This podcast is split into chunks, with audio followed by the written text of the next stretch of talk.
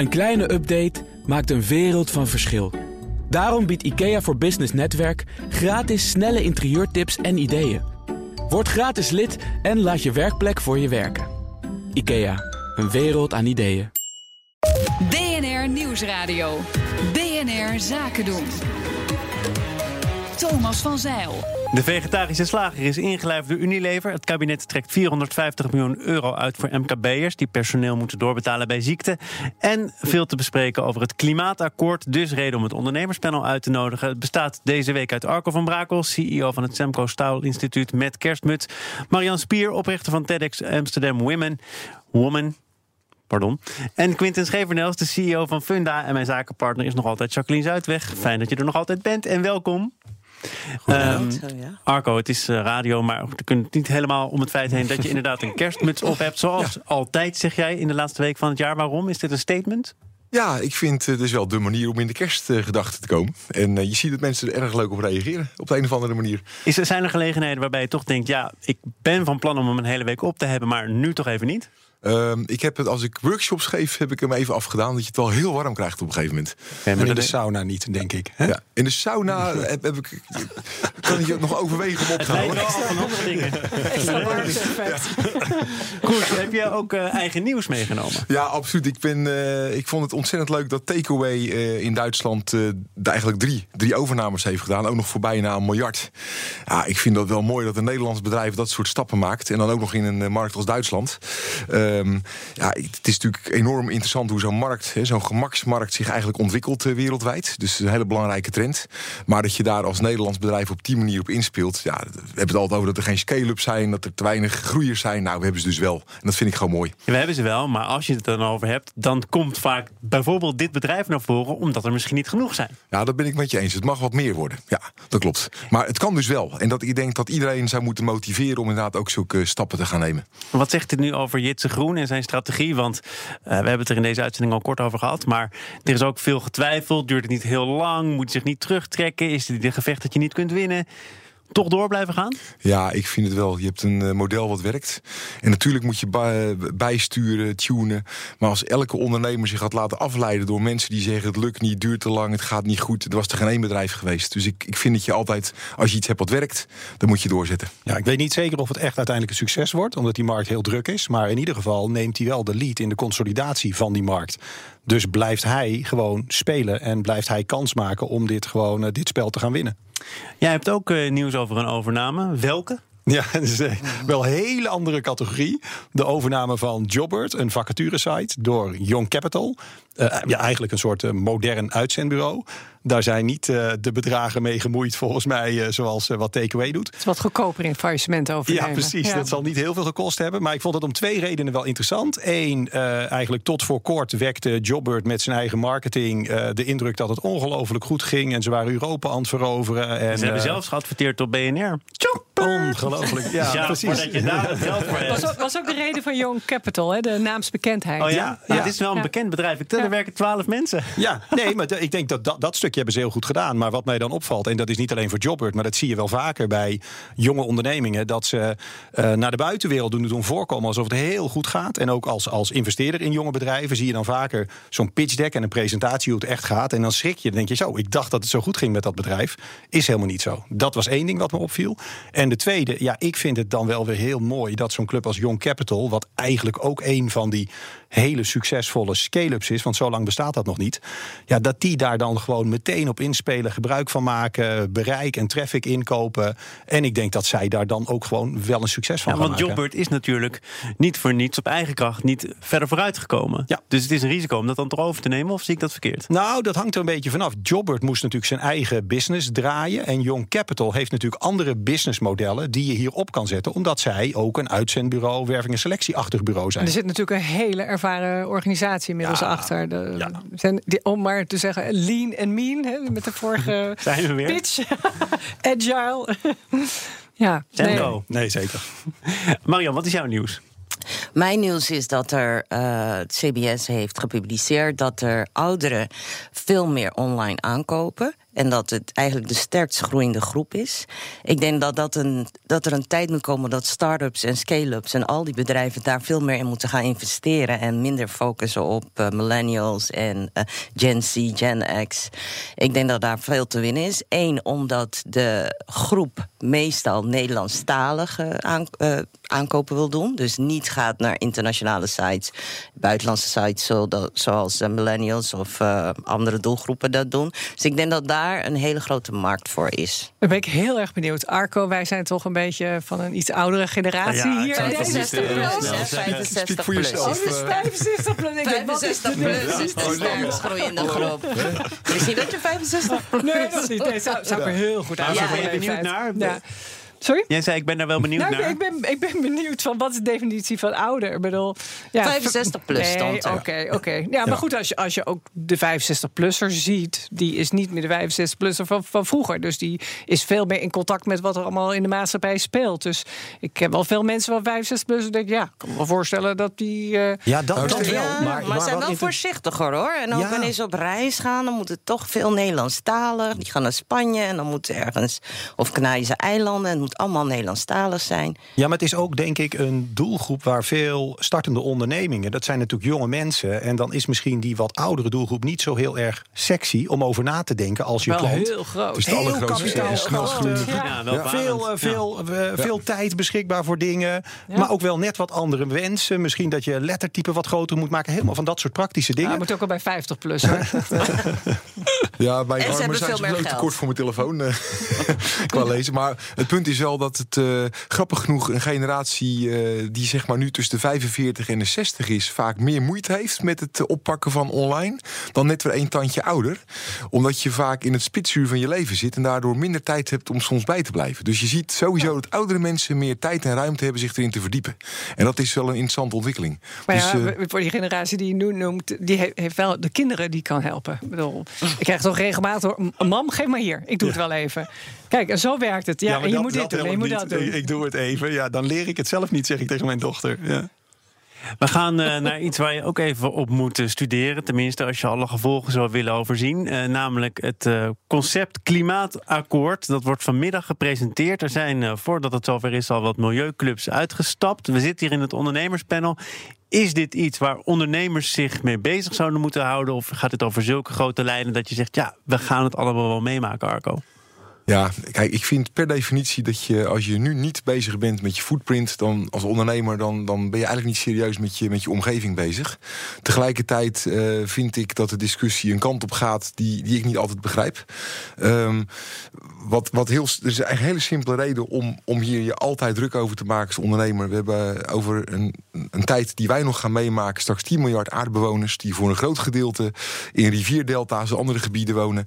En simpelweg die hele movement kunnen we niet redden zonder transitie in energie, zonder transitie in de manier waarop we voedsel produceren en zonder transitie in de manier waarop we schoon water produceren. Heb je daar dan een akkoord of een wet of een overheid voor nodig? Of zou je zeggen, ondernemer, begin dan bij jezelf? Ja, ik vind dat je dat sowieso moet doen. Want het hele leuke is dat het zo, zoveel innovaties oplevert.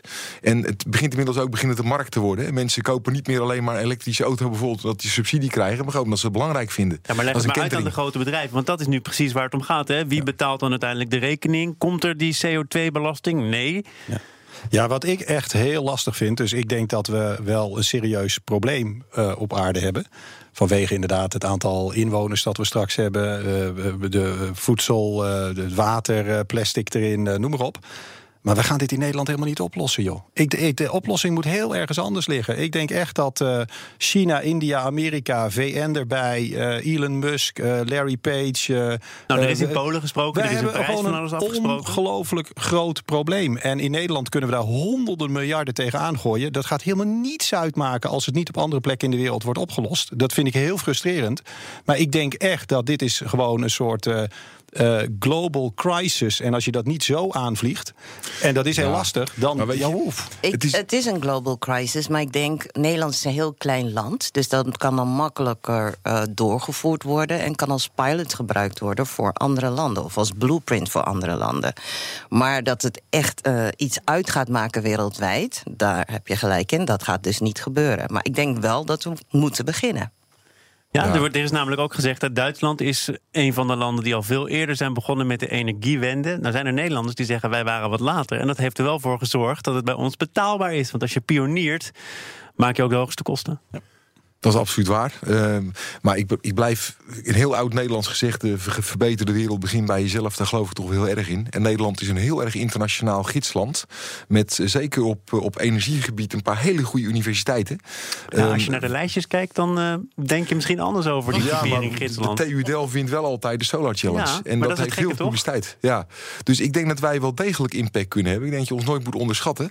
Maar ehm, uiteindelijk, als we allemaal denken dat het ergens anders moet liggen... dan komt er nooit een oplossing. We moeten Nee, gewoon maar, ergens beginnen. maar de vraag is dan, moet je dan zeg maar die, eh, de tarieven die betaald moeten worden door grote bedrijven, moet je dat verhogen? Of moet je zeggen, wij gaan gewoon als Nederland 10 miljard beschikbaar stellen bij de universiteiten om te zorgen dat overal in de wereld we CO2 kunnen afvangen, dat soort dingen. Daar zou ik wel in geloven. Ja, dat ben ik met je eens. De Nederlandse Bank heeft gezegd: gebruik die CO2-belasting dan eventueel de opbrengsten om die omwenteling naar schonere methodes te financieren. Ja, over de grenzen van Nederland heen.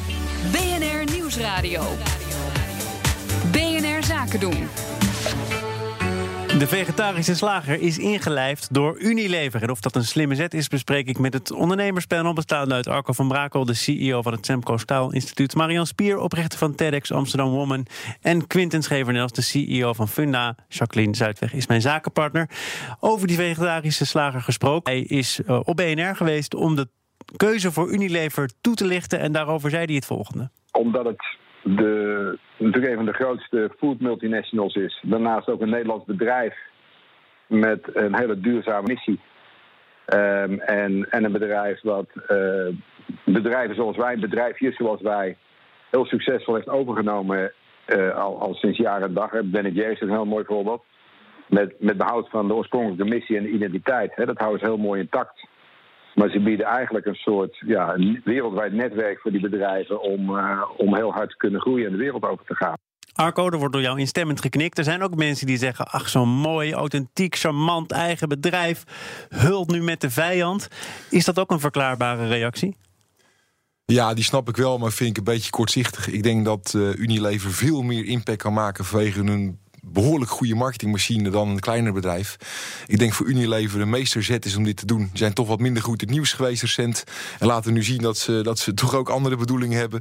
Dus Unilever is briljant. En ik denk dat de vegetarische slager inderdaad gelijk heeft. Ook Ben Jerry heeft inderdaad zijn, eh, zijn imago goed kunnen, kunnen behouden. En zijn identiteit. En ik denk als je nou impact wil hebben in de wereld. Als peperdure ijsfabrikant overigens. Hè? Wel Ja, heel duur, ja, ja. laten Ja, we eerlijk maar, zijn. Maar wel, wel duurzaam. En lekker. Eh goed Ja. dat eh, Eckhart Winsen was er nog aandeelhouder in, eh, in die tijd. En eh, ja, dat deed Eckhart niet voor niets. Want die, die snapte ook dat je, dat je impact moest hebben op een andere manier. Dus ik denk als je vanuit de, de missie om impact hebt op de wereld kijkt... kan je eigenlijk niks beter overkomen dan een club als Unilever die je overneemt... en die die ident- identiteit behoudt. Dan Ja, kom je ook dus- wat sneller aan de doelen van het eh, klimaatakkoord. Hè? We hadden er net Ja, tijdens de commercial even over. Quinten, jij, jij, jij vertelde het zo mooi. Hè? Over, over minder vlees eten. Ja, dat is de, dat is de echte Ja. grote boosdoener. Meer nog dan dat vliegen en zo. Ja. Maar die eh, oprichter van eh, de vegetarische slager zei dat hij de afgelopen jaren honderden bedrijven aan de telefoon had gehad die hem allemaal wilden overnemen. Hij heeft uiteindelijk voor Unilever gekozen. Waar zou jij naar kijken? Als je zo enorm in de belangstelling staat en je hebt het eigenlijk voor het uitkiezen, wat moet dan leidend zijn? Nou, ik denk dat hij al een heel mooi lijstje aangeeft. Hè. Dus ook waarschijnlijk doordat hij zo vaak gevraagd is, daar heel goed over heeft nagedacht. Maar ik veronderstel dat hij dit ooit begonnen is met een, eh, met een missie. Niet, niet primair om heel veel geld te verdienen, maar ook echt impact te hebben op de wereld. En ik ben het met Arco eens. Dan is dit wel een moment, als je dit echt naar een volgend niveau wil brengen, om dat zelf voor elkaar te krijgen, is ongelooflijk moeilijk. En een grote kans dat je dat ook niet gaat lukken. Als je dan jouw missie zeg maar, kan realiseren door je aan te sluiten bij zo'n partij en daar goede afspraken over te hebben. Waar inderdaad deze partij ook een track record heeft. Dat ze het niet alleen zeggen, ze hebben dit in het verleden ook echt vaker zo gedaan. Ja, dat is, dat is hartstikke knap. Maar ik las dat hij, dus hij is helemaal geen eigenaar meer van de vegetarische slager wanneer eh, Unilever dat eh, gaat opkopen of eh, heeft opgekocht. Wat ik wel, de doelgroep, als je, ik ken die doelgroep, hè, de mensen die veel met vega bezig zijn, die houden juist van bedrijfjes als de vegetarische slager en zijn echt anti-Unilever. Waar ik me juist zorgen over maak, is dat hij misschien een heel groot groep van die doelgroep kwijt gaat raken of Unilever kwijt gaat raken. Ja, ik denk dat ik veronderstel dat hij en Unilever daarnaar kijken als eigenlijk het bereik dat we nu hebben is nog helemaal niets, zeg maar, met wat we samen kunnen doen. Dus als dat betekent dat we Het ligt helaas ook een in de paar mensen van eh, Albert Heijn inderdaad. helaas een eh, paar mensen verliezen, zeg maar in de bigger picture, zal ze dat niet zoveel uitmaken, denk ik. En ik vermoed dat deze mensen die jij nu schetst... dan een ander eh, vergelijkbaar alternatief gaan vinden... wat dan ook weer groot wordt en dezelfde Ja, slag gaat doormaken. zeker, zeker. Waardoor je uiteindelijk een hele mooie beweging op gang kunt brengen. Ja, maar de Unilever-doelgroep is echt de Hè? Daar, als je dan Uni- ja, als je aan Unilever denkt, denk je aan eh, worst. eh, en, eh, dus ik vraag me af, hè, en ik denk dat dat wel impact zal hebben. Want die doelgroep is echt een doelgroep die onderzoek doet, die documentaires van Netflix bekijkt en met elkaar bespreekt. En nu hoort dat het opgekocht wordt door Unilever. Maar dat nieuws, wij hebben het erover. Hè, we zitten hier bij Business News Radio. Ik denk dat voor heel veel mensen dit even in het nieuws is nu en daarna weer weg. Wie weet nog dat de koffiecompany gekocht is door Douwe Egberts? Weet er ook bijna niet. Goed dat je het zegt. ik wist het niet eens eigenlijk dat je nu zegt. Maar het lijkt wel mooi als we straks een nieuwjaarsduik gaan maken... met een vegetarische slagermuts op. Ja. Dan heb je het voor elkaar. Ja, ik denk Nou, er is, ik heb een tijdje terug de, de topman van Unilever in Groene Europa muts dan ook, hè? Ja. gesproken in dit programma. En die zei, er wordt natuurlijk over ons gezegd dat we niet genoeg doen. Maar besef wel dat als wij onze productie of wat eruit komt... uiteindelijk maar een fractie verbeteren... dat dat wereldwijd meer impact heeft dan al die piepkleine start-ups... die het allemaal wel heel groen doen, maar die veel minder mensen bereiken. En dat is misschien wat hier aan de, aan de orde is. Ja, denk ik wel. Absoluut. Ja, ik vind het een goede move. Zowel voor de, de vegetarische slager zelf, als voor de wereld, als voor Unilever.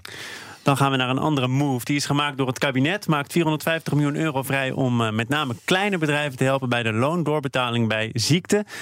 Dat stond heel anders in het regeerakkoord. Namelijk, we gaan van twee naar één jaar. En nu wordt er toch gezegd: nee, we passen iets aan in de verzekeringen. waardoor dat makkelijker gemaakt wordt.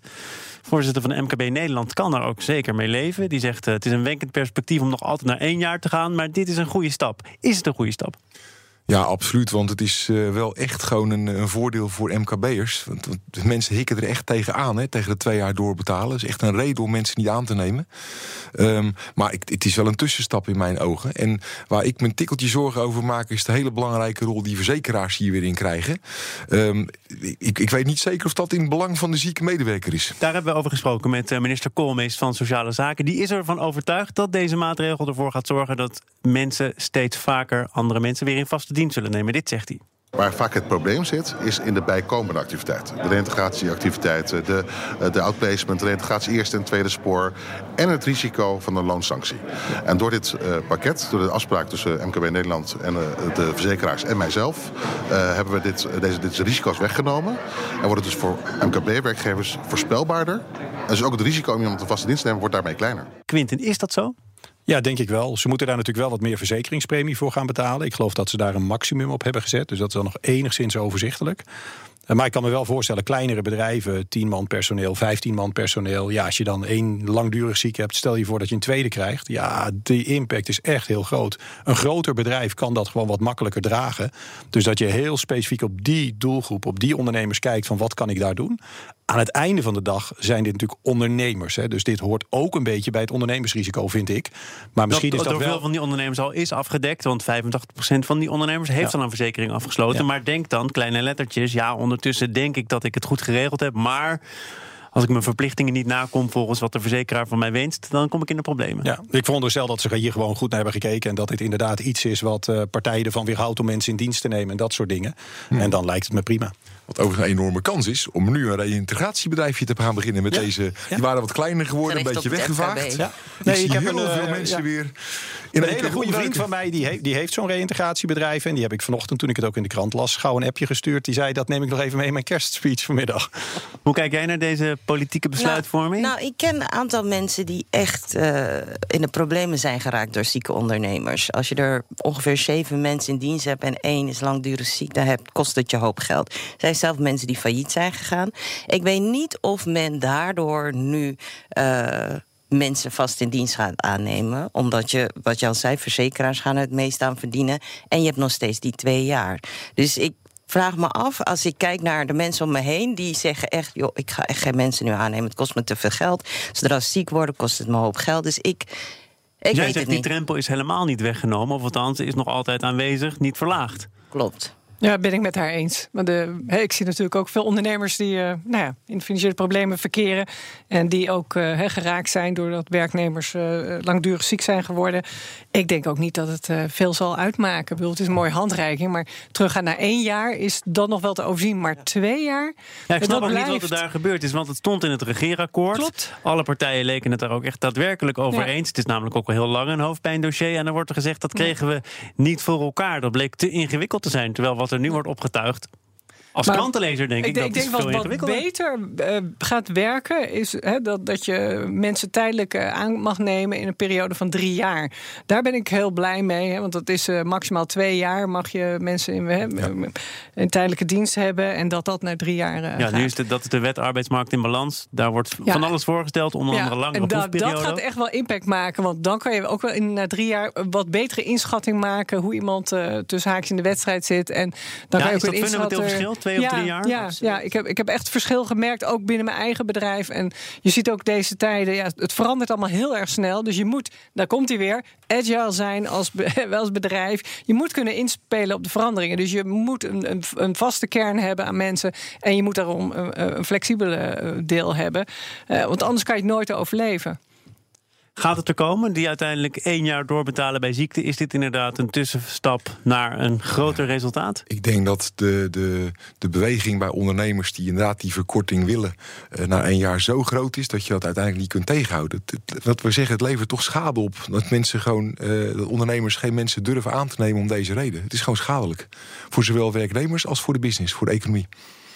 Dank voor deze nou, opbeurende laatste woorden waren het. Maar ik kijk naar je kerstmuts en dan uh, slaat mijn gemoed meteen weer om. Ik zeg ho, ho, ho. Goed zo. Dankjewel, Arco van Brakel, de CEO van het Semco Staal Instituut. Marian Spier, oprichter van TEDx Amsterdam Woman.